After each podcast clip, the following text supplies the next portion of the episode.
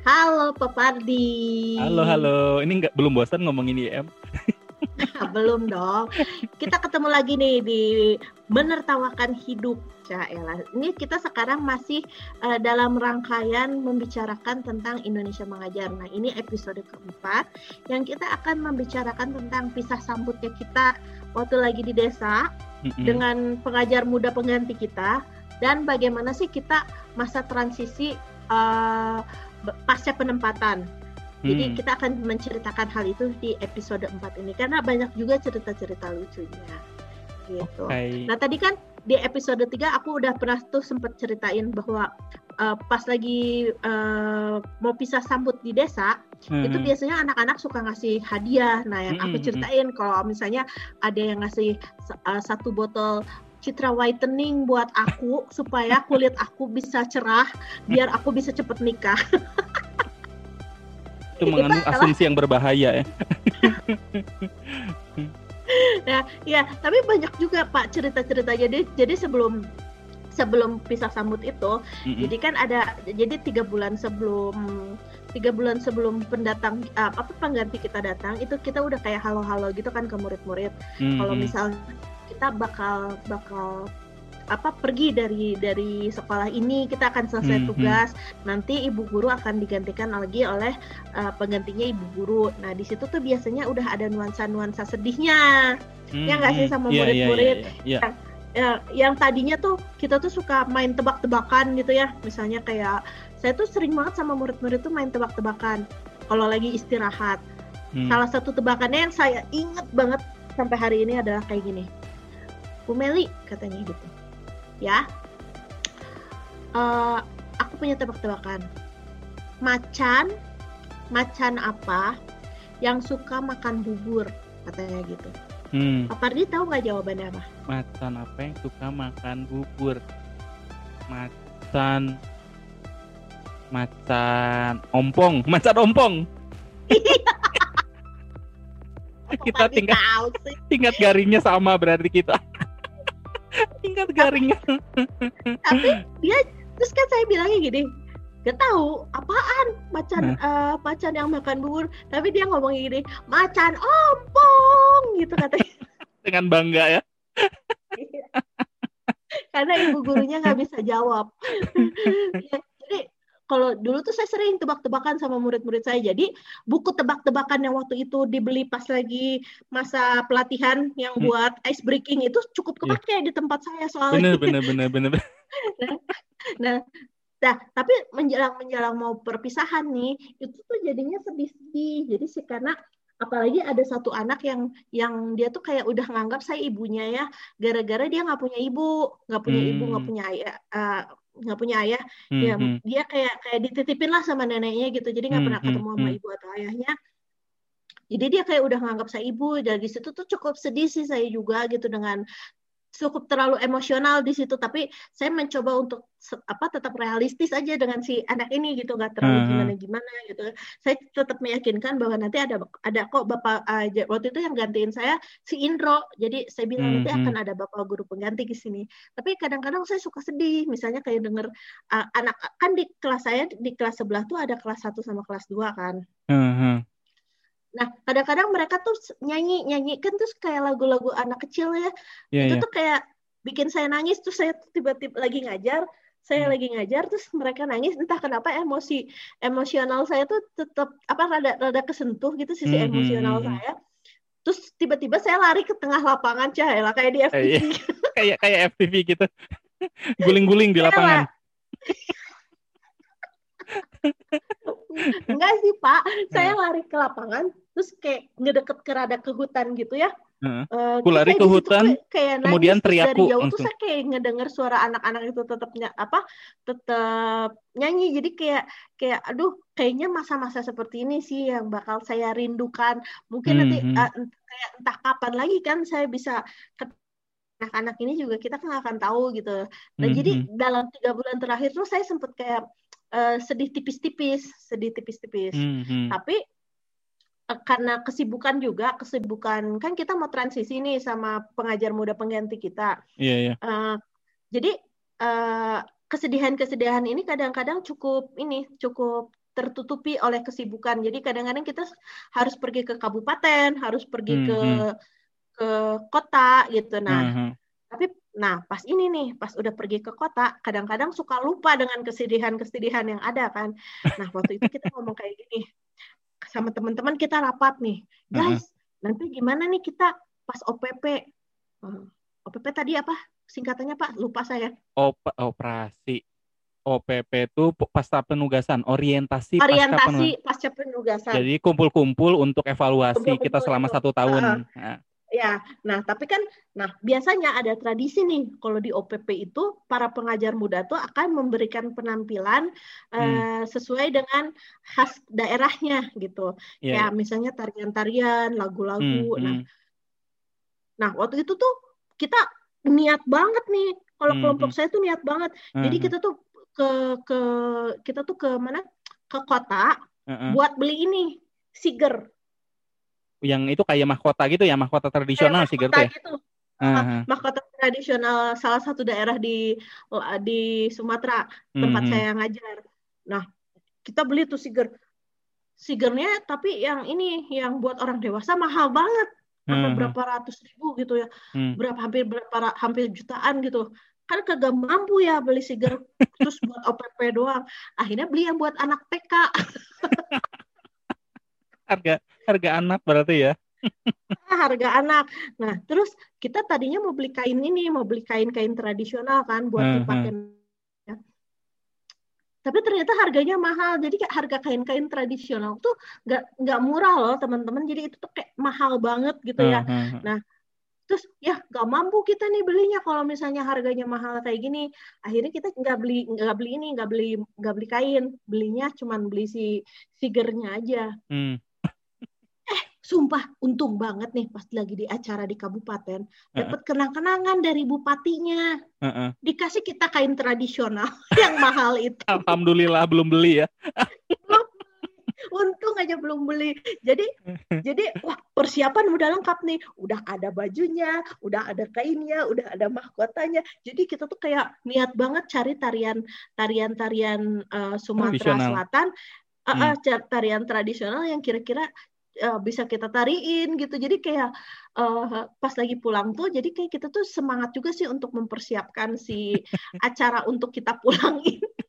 Terus yang paling lucu pas di pas lagi di kabupaten kan udah udah datang tuh, udah datang si pengganti kita, udah kita sambut di kota, Heeh. terus dibawa ke kabupaten. Nah, pas di kantor bupatinya itu kan ada di- dibikinin acara pisah sambut di sana. Iya, iya. Nah, terus di situ kita nyanyi. Nyanyi satu lagu yang benar-benar mewakili perasaan kita. Eh, Yang adalah Lagunya Kus Plus. Ke Jakarta aku kan kembali.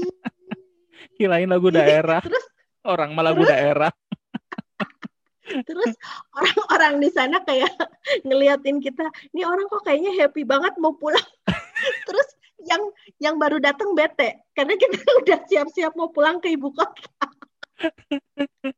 Kata yang pulang, apakah keputusanku salah? ya, jadi banyak-banyak persiapan sih. Jadi eh, terus pas lagi mau pisah eh, pas lagi mau pisah sambut kayak gitu sama orang-orang, kita juga biasanya keliling-keliling kampung. Hmm, hmm, hmm. keliling-keliling kampung gitu kan, maksudnya pamit-pamit, Eh, terus kayak ngucapin terima kasih, terus ngasih kenang-kenangan gitu kan ya. Nah, yang paling yang paling lucu nih pas keliling kampung nih Pak. Nah, saya kan ngetok kan. Nah, biasanya kan kalau di rumah ru- eh, ngetok-ngetok gitu kan, kayak Hmm, hmm. Assalamualaikum kata kata. Eh Bu Melati katanya gitu. Oh iya Bu katanya. Ada apa Bu? Iya saya mau pamit katanya. Oh iya Bu, semoga nanti Ibu pulang-pulang langsung nikah. Satu Selalu ya. satu rumah. Eh, eh. Oh iya Ibu doain aja. Oke. Terus ke rumah kedua nih. Assalamualaikum. Eh Bu Melati, Eh, apa perbincangan yang sama?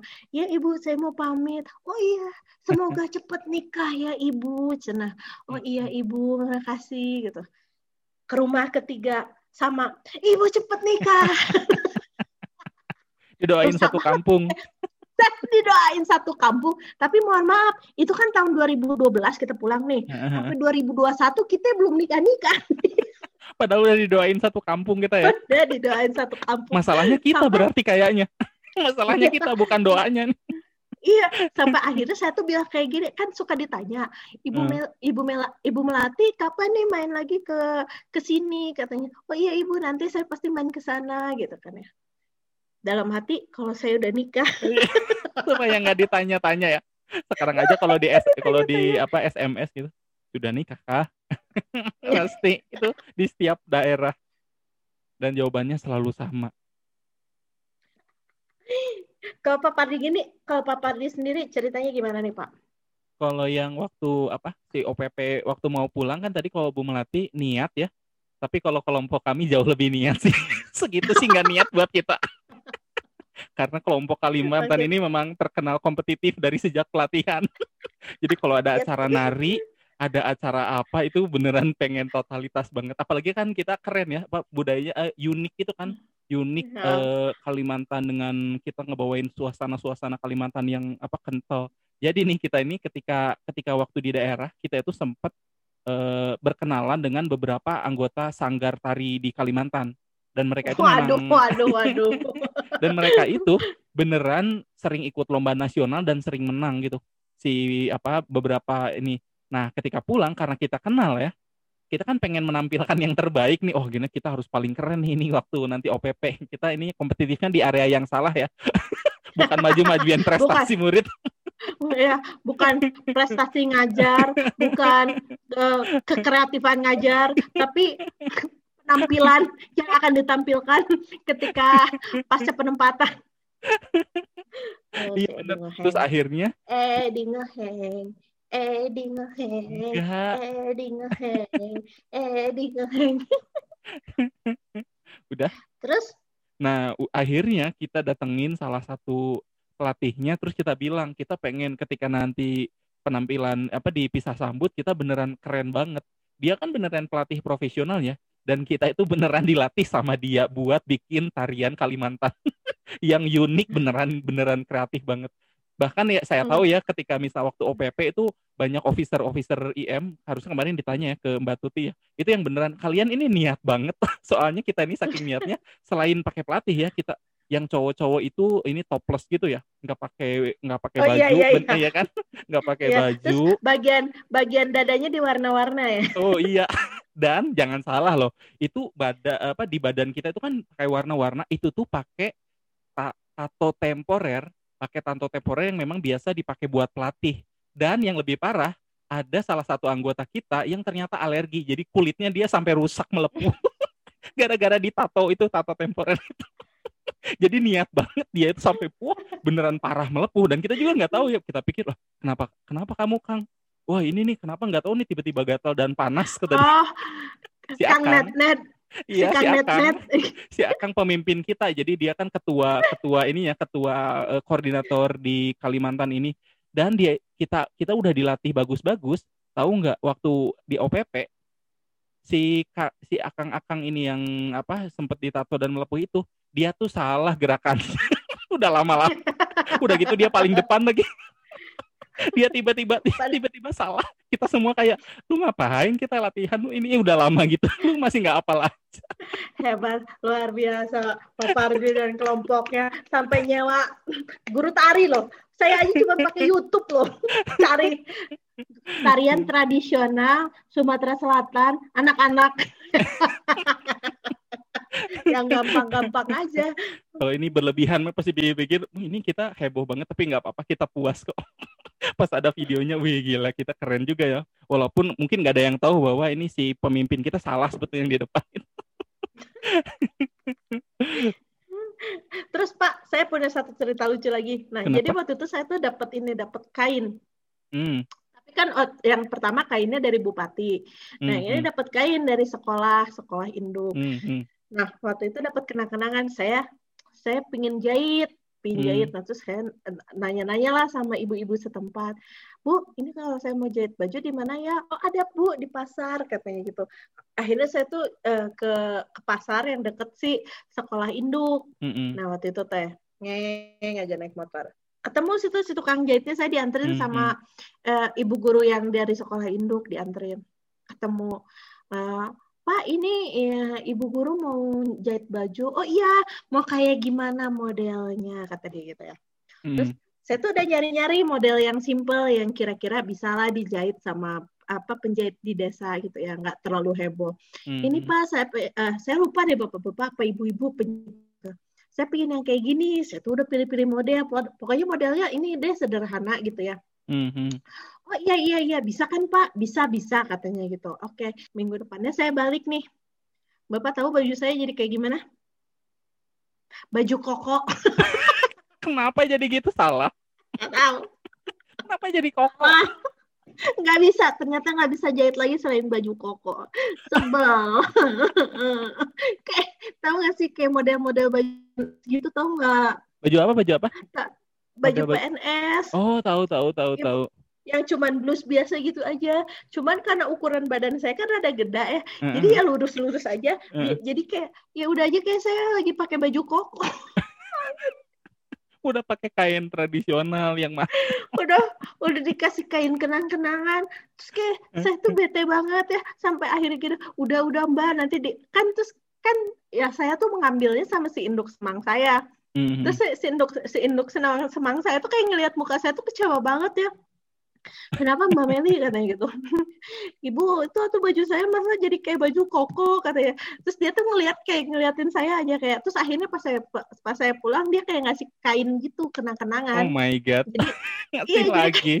Jadi, ngasih lagi. Jadi saya bawa empat kain empat kain tradisional dari dari daerah penempatan kan jadi gini pas tiga bulan terakhir kita mau pulang kita tuh kayak udah packing packing barang kan hmm. karena tadinya saya datang ke sana itu cuma bawa satu ransel kan saya udah pernah hmm. ceritakan kalau saya cuma bawa tujuh bawa tujuh baju hmm. sama hmm. beberapa baju untuk tidur nah hmm. terus seiring berjalannya waktu kan kayak orang tua saya ngirim ini ngirim itu hmm. lama-lama kan jadi banyak tuh barang-barang tuh ada yang dipaketin hmm. Hmm. hmm. kirim duluan ke Bandung gitu ya yeah, iya. nah yeah.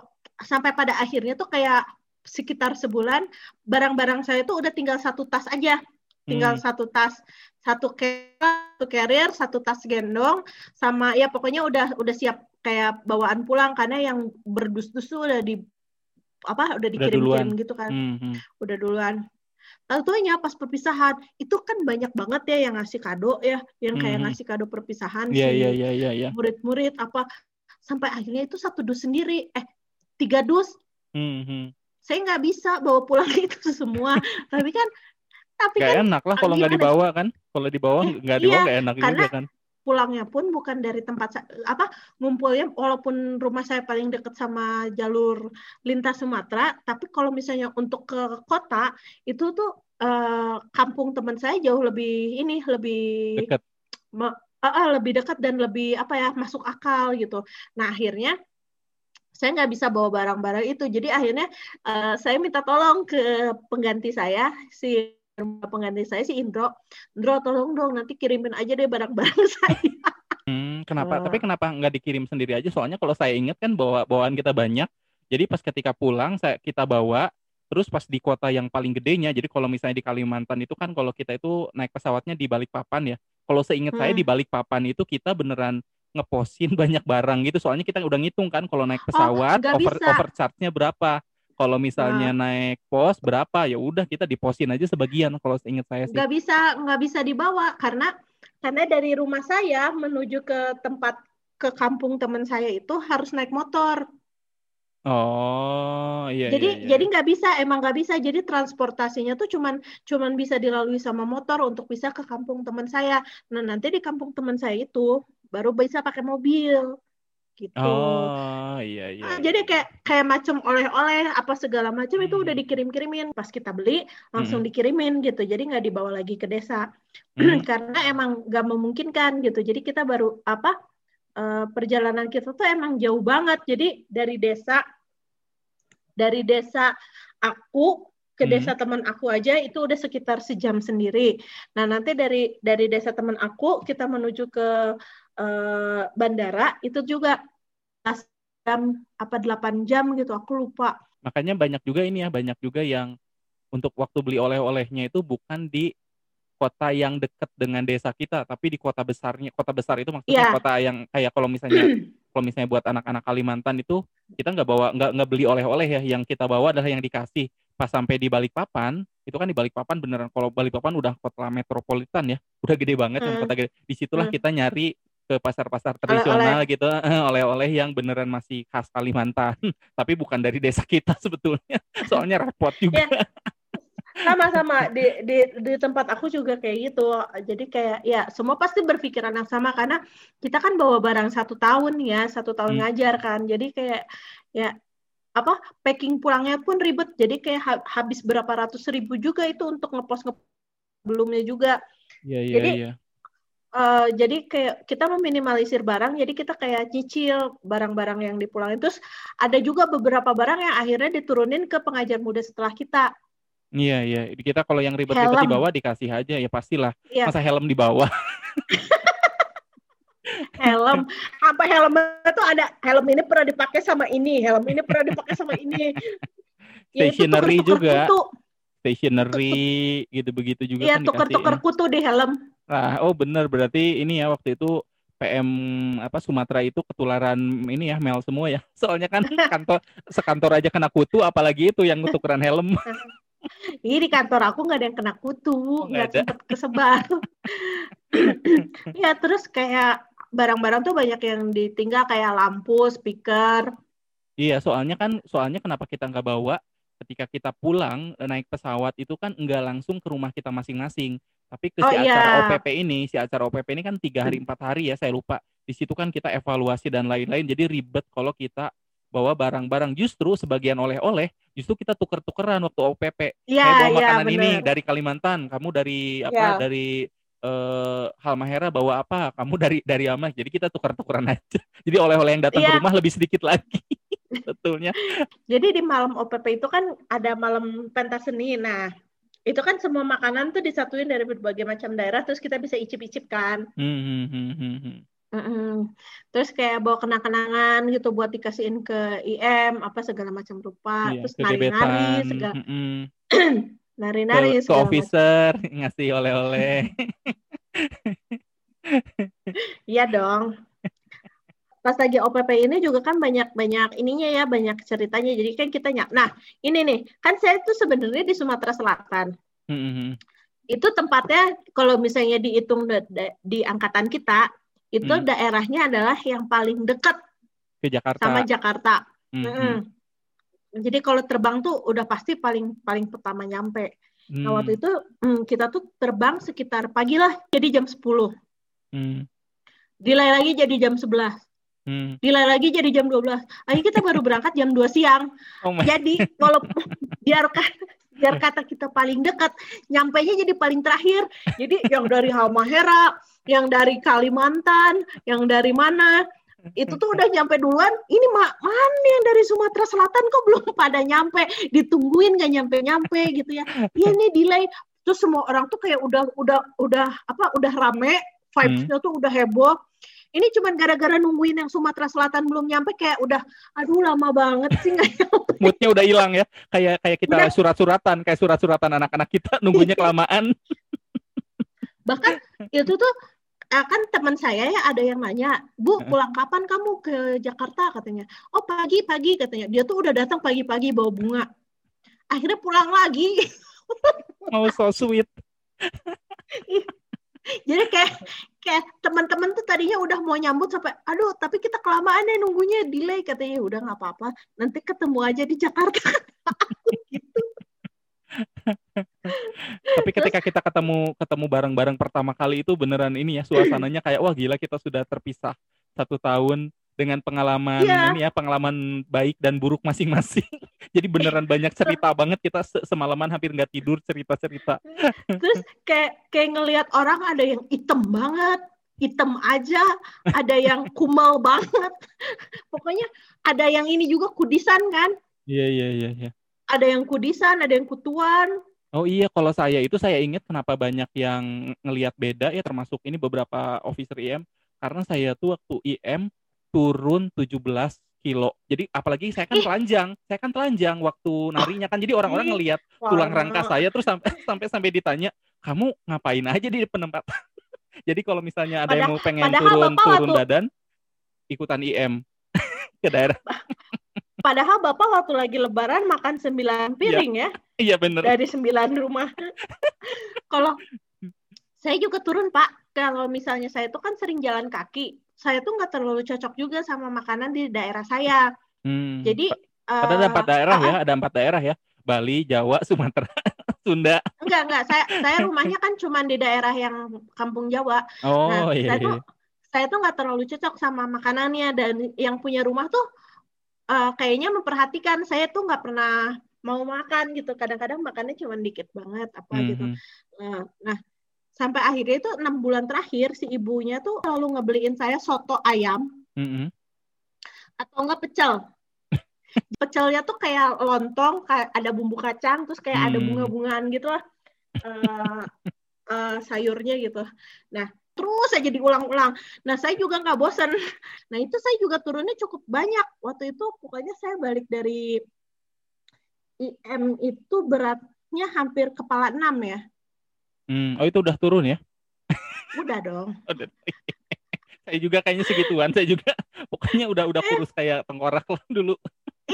Da- jadi udah kayak orang-orang ngelihatnya kayak kurus, udah kurus, keling, hitam kan, kutuan lah. Terus rambutnya, rambut saya tuh panjang banget, panjang Hmm. sampai ke sepunggung, kayak orang rimba, tau nggak orang rimba yang di Jambi. Kalau kalau saya sih makanannya cocok-cocok aja sebetulnya entah entah karena apa ya. Mungkin karena Ah, banyak bapak pikiran mah mungkin. pintu, bapak pintu dikasih kecap juga bapak sikat kayaknya. Batu bata dikasih sambal juga, mungkin pak diganyem. Nah, terus ya kan jadi emang itu sih, jadi kayak ada perubahan fisik juga waktu lagi OPP tuh ngeliat teman-teman teh, wih beda-beda ya, terus kayak seru sih. Hal yang paling seru ketika OPP itu adalah ya itu pentas seninya. Tapi ada satu yang seru juga. Apaan? Waktu itu kan kita eh, OPP itu kan kita di daerah TB Simatupang itu kan. Saya nggak apa alamatnya sih. Cuman ya Kamu di nggak situ lah. ingat ya? yang yang di daerah eh, Jakarta Selatan. Nah, Mm-mm. terus di Wisma Guru itu kan. Nah, di situ kan kita OPP. Mm. Eh, terus itu tuh deket banget sama salah satu mall di Jakarta. Mallnya tuh Citos. Oh iya iya, saya inget tuh deket Citos, deket Citos. Nah. Terus eh, ada beberapa anak, eh, ada beberapa pengajar muda, eh kita ke mall yuk, kita ke mall yuk gitu. Kayak Hmm. udah lama nih nggak ke mall gitu. Hmm. Ayo ayo ayo.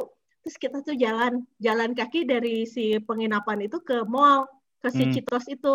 Hmm. Terus di jalan tuh kita, wah gedungnya tinggi-tinggi ya. Jadi lebih bersyukur ya melihat gedung tinggi. terus terus ter- tapi si officer tuh pernah bilang jadi si OPP ini selain kita evaluasi dan segala macam kita tuh dikotakan kembali ngerti nggak karena kita tuh Oh. banyak shock Membiasakan Jadi diri kayak- kembali ya dengan dengan ritme Iya. ritme dan Iya. kecepatan. Ah, ah, terus kayak pas pas nyampe di mall tuh kan pesen burger. Waktu itu kita makan di mana ya? Burger King kalau nggak salah. Tuh semuanya tuh wah burger. Udah lama banget tuh makan burger. Terus kayak kayak orang udik gitu.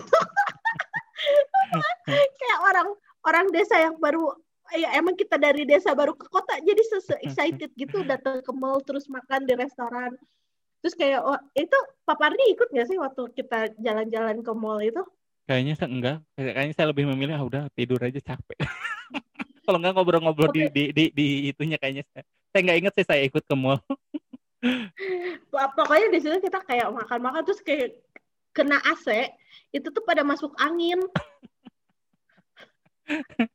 Itu sih saya sampai sekarang kayaknya kalau naik travel Bandung Jakarta masuk angin. tapi itu juga saya sempat eh, apa ya ketahanan tubuh saya itu kalau kena AC nggak ber- nggak bagus nggak bagus tuh sekitar enam bulan saya di Jakarta pas saya Hmm. kerja di kantor itu kan kantor saya tuh kantor media gitu kan Hmm, hmm. nah kantor media tuh dia harus dingin karena banyak alat-alat buat eh, liputan yang kayak gitu kan Hmm, hmm, hmm. jadi dia emang harus dingin gitu biar nggak lembab si kantor teh Hmm, Nah hmm. itu tuh saya tuh masuk angin terus, itu tuh perutnya tuh kembung-kembung gitu ngerti nggak? Jadi tuh saya sering senior yang di belakang saya tuh sering dikentutin. kadang saya kalau ingat senior saya itu kasihan banget udah dikentutin saya kutuan. Terus kadang terus karena karena kebiasaan kita jalan kan ya hmm, apa mobile waktu lagi jadi pengajar begitu lagi di kantoran kita duduk terus tuh saya sering jadi kayak sakit pinggang kayak gitu. Jadi emang hmm, banyak hmm. hal yang yang harus kita adaptasi ulang sih ketika kita tinggal di kota itu gitu. Bener-bener banyak sih. hal sih. Banyak hal ya jadi benar kenapa emang emang diperlukan ternyata si OPP itu ya ternyata?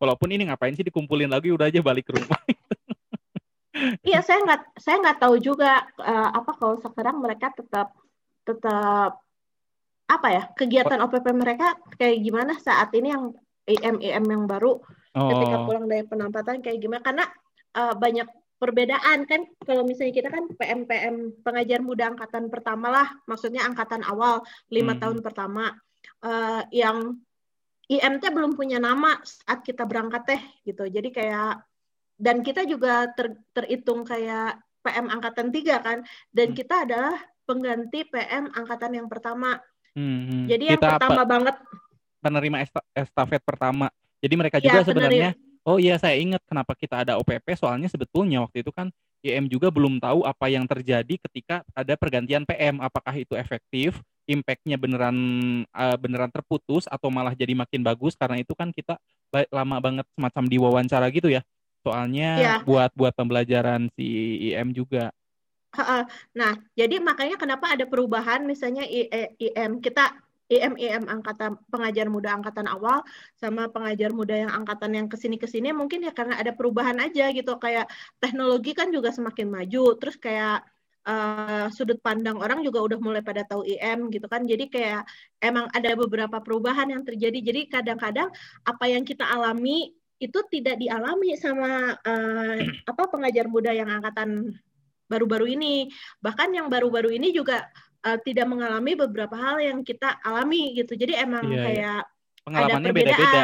Pengalamannya beda-beda karena yang dibutuhkan di desa pun beda-beda ya si stage-nya. Iya. Oleh karena itu uh -uh. kita kan ceritain ya, kita cerita pengalaman dari apa perekrutan terus apa pelatihan gitu jangan jangan dianggap nih kalau misalnya ada yang bukan anak IM yang apa ngikutin gitu jangan dianggap bahwa sekarang prosesnya sama karena IM itu setahu saya organisasi yang selalu bergerak dan belajar ya jadi beneran tiap stage eh, tiap tahun itu berubah-berubah mungkin angkatan yeah. kita sama angkatan yang berikutnya pun nggak usah sejauh beda. sampai angkatan sekarang udah beda apalagi sekarang ya yeah, jadi mungkin yeah. ada ada pengalamannya yang beda sama kita oh, jadi yeah, jangan jadi, disamain jadi jadi para officer juga kayak mereka melakukan ini evaluasi jadi apalagi kan yang angkatan pertama baru banget masuk diganti sama kita angkatan tiga. Nah pasti di angkatan lima mereka akan bikin eh, eh, apa eh, kegiatannya jauh lebih baik daripada angkatan yang pertama sama angkatan ketiga karena terus-terus berkembang kan dan apa ya ketika kita pulang pas OPP juga kita ada laporan pertanggungjawaban karena setiap bulan juga kita di sana kayak mengisi borang. Iya iya, iya. kita apa ngisi borang itu kayak kita eh, apa form evaluasi tiap bulan. Jadi apa yang kamu lakukan, dampaknya itu untuk apa tujuannya, dampaknya seperti apa. Jadi kita juga di sana nggak nggak bebas beneran ya, walaupun itu tergantung yeah. kita iya. mau ngapain. Sebetulnya cuman harus bisa dipertanggungjawabkan dan dicatat gitu kan. Saya hari ini mm -hmm. ngajarin ini, soalnya saya persiapan mau ikut lomba ini supaya ini gitu-gitu kan. Yeah. Pokoknya banyak lah ribet itu banyak banget. Kalau kalau ada masalah apa kamu gimana cara ininya. Jadi kita hmm. emang secara setiap bikin laporan juga di sana. Nah, pas OPP ini tuh kita kayak mempertanggungjawabkan laporan-laporan kita itu. Nah, pas OPP juga itu tuh biasanya kita kayak selain tadi mengkotakan kembali, selain kita evaluasi, selain kita mempresentasikan uh, laporan pertanggungjawaban, kita juga ada yang pembersihan. Caelah pembersihan. pembersihan Jadi misalnya gini, kayak kalau di daerah penempatan jadi kalau si pemutihan itu tuh misalnya gini kita kalau misalnya lagi ada masalah di penempatan antara hmm. sesama pengajar muda, nah itu harus diselesaikan tuh saat uh, eh, OPP itu. Jadi kayak misalnya kalau ada masalah di penempatan kan biasanya belum beres nih. Nah, biasanya nanti ada satu sesi kita memutihkan masalah yang kita punya misalnya antar sesama pengajar muda atau enggak uh, ada masalah apa nih di daerah penempatan. Nah, itu ada satu sesi. Nah, biasanya sesi-sesi itu tuh untuk uh, per daerah penempatan. Jadi misalnya daerah saya sama teman-teman saya itu dibikin satu sesi sendiri untuk menceritakan tentang masalah yang ada di daerahnya atau enggak eh kamu masih punya masalah nggak nih antar sesama. Nah, kalau misalnya waktu itu angkatan saya eh uh, apa kelompok saya itu mm -hmm. uh, sebelum pulang mm -hmm Hmm. kita tuh udah bikin refleksi dan evaluasi. Nah, di situ uh, segala kekesalan, segala kebencian, segala salah paham udah diomongin saat itu. Jadi kayak kita tuh dikasih penilaian, misalnya uh, siap yang nggak suka sama saya siapa, kenapa mereka nggak suka sama saya. Terus mereka ngasih saran, mendingan kamu nanti gini gini gini. Nah itu semuanya udah selesai ketika di daerah penempatan. Nah kalau Pak Pardi sendiri gimana nih? Oh iya iya, oh maksudnya masalah itu kalau ada konflik ya? Jadi bener juga sih. Jadi mungkin yang nggak kebayang dikiranya ya ketika kita ke penempatan kita tuh aman-aman dan baik-baik saja. Enggak, kita kan ini ya eh, kalau zaman saya itu 10 orang satu kabupaten jadi masing-masing megang satu desa dan kita pun terbiasa jadi leader di organisasi masing-masing gitu ya. Jadi tentunya pasti banyak gesekan konflik banget dan di penempatan pasti inilah banyak banyak eh, keributan-keributan lucu lah antar sesama pengajar muda dan biasanya apalagi Kenapa? Apalagi tempatnya Bapak ya. Uh, kita mah leader terbaik semua tuh gimana dikumpulin. Jadi nih di waktu kita juga agak mirip sebetulnya prosesnya. Jadi ketika misalnya ada masalah biasanya ketika sebelum pulang kita sempat ngumpul lagi sih. Kita sempat ngumpul terus jadi waktu di kota gedenya waktu kita nunggu pesawat kita sempat evaluasi terus ya kayak gitu sih. Jadi kalau misalnya ada yang masih masih apa ya masih uh, terpendam di dalam hati lu dulu waktu bikin program ini kok kayak gini kayak gini ya udah dikeluarin aja gitu supaya clear dan ketika di apa ketika di eh, OPP di bareng-bareng jadinya nggak terlalu banyak tapi mungkin kita lebih lama dibanding ini ya dibanding daerahnya. Ibu Melati. Bukan bukan lebih lama. Daerah Bapak paling lama. Enggak enggak enggak bukan bukan daerah saya yang paling lama. Bukan daerah saya yang paling lama. Apa? Halmahera ya paling lama. Pokoknya bukan daerah saya yang paling lama. Soalnya kita berantemnya udah di, di sebelumnya. ya jadi jadi kalau kita coba ngasih tahu emang menyenangkan pengalaman menjadi pengajar muda, tapi banyak juga tantangan-tantangannya. Tantangannya tuh ada dari dalam dan dari luar. Jadi uh, menurut saya kalau misalnya teman-teman apa ya ada yang punya kesempatan nih bisa hmm. ikutan hmm. Hmm. Indonesia mengajar atau enggak ikutan jadi apa ikutan Indonesia mengajar buat jadi pengajar muda ya ikutan aja karena emang emang banyak pengalaman banget dan di situ tuh istilahnya kita kan dibilangnya satu tahun jadi guru tapi justru kita yang sangat banyak banget belajar dari satu tahun pengalaman di desa itu. Betul betul. Karena kan konsep awalnya sebetulnya school of leadership ya. Jadi sebetulnya selain disuruh kita ngajar ke daerah kita beneran berusaha menjadi leader di, di apa di lingkungan kita gitu. Dan itu kan susah kita ke daerah itu sok-sokan mau bikin apalah gitu kan.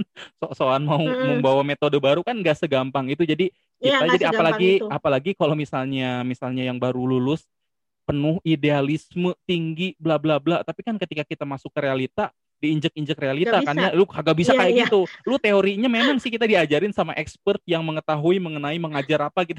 Pas udah sampai sana ya kita diajar realis realita. Kita pengen harus sampai menyesuaikan. sana, pas nyampe sana setiap pagi ngaca sambil nyanyi aku bisa aku pasti bisa tapi yang pasti dijamin tidak menyesal deh ya. Itu kayaknya tidak ya walaupun bisa. banyak banyak kepahitan tapi kan banyak kebahagiaannya juga. Betul betul. Uh, ya yang yang sebenarnya kalau kita ceritain sekarang sih lucu ya. Tapi kalau pas lagi ngalamin pas di sana rasanya pedih hati ini pedih bener, bener. pedih. Bener, bahkan bener ada salah satu pengajar muda nih uh, apa namanya dia tuh saking stresnya hmm. dia tuh ditempatin di, di di Pulau Sumatera juga tapi bagian Sumatera Utara deket-deket Sumatera Utara situ. Hmm. dia itu saking udah putus asanya dia telepon Bluebird. Mau ngapain? Mau ngapain? dijemput pulang telepon Bluebird minta pulang Pak bisa jemput saya kasihan Tapi iya di dihajar banyak. Ini kan dramanya banyak ya antar kita dengan anak, kita dengan sesama guru, dengan mungkin warga di desa, terus belum lagi dengan hmm. mungkin uh, apa orang-orang pendidikan di daerah situ kan ada kita harus yeah. berhubungan dengan orang dinasnya pokoknya itu beneran kompleks banget dan tidak se, se apa selucu dan seimit-imit yang kita tertawakan hari ini ya jadi banyak tanda iya. tangannya cuman kita sekarang berusaha mengingat yang iya. bahagianya aja deh iya jadi kadang kadang kita merasa ini satu hal yang yang yang saya dapetin ya selama saya jadi pengajar muda itu kita tuh harus jangan ngerasa kita tuh paling bisa kita tuh ah, paling pinter, bener. kita tuh paling keren, kita tuh dari kota, hmm, kita tuh hmm. membawa perubahan, kita hmm, tuh akan hmm. membawa, membuat gebrakan. Ternyata tuh nggak bisa, nggak bisa. Bener, bener. Uh, kita justru kita harus menyesuaikan dan kita justru harus me, apa ya? Mungkin lebih baik kita menggunakan metode apa sih sebenarnya yang daerah ini butuhin, kita kasih gitu.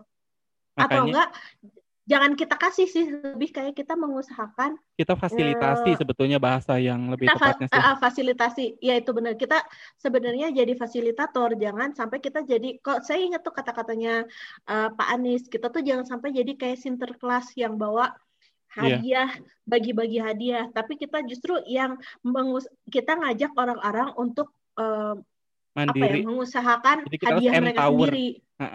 Ada. Mantap. Ini ini kalau yang kalau saya nggak tahu ya ini nama resminya atau enggak, tapi saya pernah dengar ketika ngobrol dengan salah satu orang IM itu tuh ada yang namanya kayak Superman syndrome. Jadi kita kesannya nih ya, kalau yang orang di luar IM ngelihatnya ya, ini ada satu orang yang apa uh, leader datang ke satu desa terus jadi Superman untuk mengangkat enggak sama sekali dan itu adalah ya. pendekatan yang salah beneran kita ke sana ya seperti yang tadi dibilang sih justru kita banyaknya belajar ya belajar dan dihajar ya. oleh oleh reali, realitas dan pendekatan kita kan kebanyakan adalah kita ngumpulin orang-orang yang punya potensi untuk mengangkat daerah tersebut ya jadi kalau ya. istilahnya kita lokal champion jadi di sana tuh kan banyak orang-orang hebat yang bisa mengangkat uh, daerahnya. Jadi kita bukan kita cuman hmm. ngobrol dan berdiskusi sama mereka siapa tahu aja kita tahu sesuatu gitu kan. Kita jadi tuh bu bukan kita penyelamatnya. jadi kompor. Mm -mm, kompornya mm -mm. mereka, manasin mereka kan buat Pak, ayo yuk Pak gitu. Kita tuh buat kayak ngajakin mereka. Ini tuh sebenarnya ya, kan uh, angkatan kita tuh kan angkatan masih angkatan awal-awal yang tadi kita bilang ya. Itu tuh pernah pas di kabupaten untuk bisa kita kan juga harus sebagai ini apa sih istilahnya? Ikonnya Indonesia mengajar kan gitu. Mm-hmm. Jadi kalau misalnya kita ke kabupaten tuh biasanya pakai rompi. Bukan ikon representatif. Icon oh, mah iya, kayak artis. icon. Bukan icon. ah, nggak kuat. ah, nggak kuat. ya, ya gitu. Jadi kan kita pakai rompi biar orang-orang tuh ngeh, oh ini tuh uh, pengajar muda. Tapi tahu nggak sih apa yang terjadi? Kan kita suka berasa kita udah dikenal sama orang ya. Mm-hmm. Terus mana nih kita lagi jalan ke, ke kabupaten. Terus tahu nggak di kabupaten kita digimanain? Apa ini? Bukan siapa ini. Apa ini? Apa itu untuk benda loh? Apa? Bukan siapa. Karena kita manusia. Tapi dia bilang apa ini Oleh karena itu pasti ini ya pasti beda kalau misalnya angkatan yang baru mungkin lebih banyak yang orang lebih tahu tapi tantangannya juga jadi lebih susah juga sih kalau orang lebih tahu. Hmm. Jadi kalau misalnya nyampah-nyampah hmm. banget pasti eh, ternyata mereka nyampah ya. Gitu kan. jadi beneran tantangannya beda dan kita nggak bisa ngerasain. Yang kita iya. obrolin yeah. sekarang mah cuman hmm. merepresentasikan waktu saat itu ya. Jadi tidak mewakili yang sekarang. Iya, kita merepresentasikan tahun 2011 dan 2012 dan itu juga yang kita ceritain uh, uh, error-error error-error kisah-kisah membahagiakan dan kisah-kisah lucunya. Ya, tapi kalau mau tahu ya kalau mau tahu Indonesia mengajar yang sebenarnya mau mau tahu pengalaman yang sebenarnya ya ikut aja sih.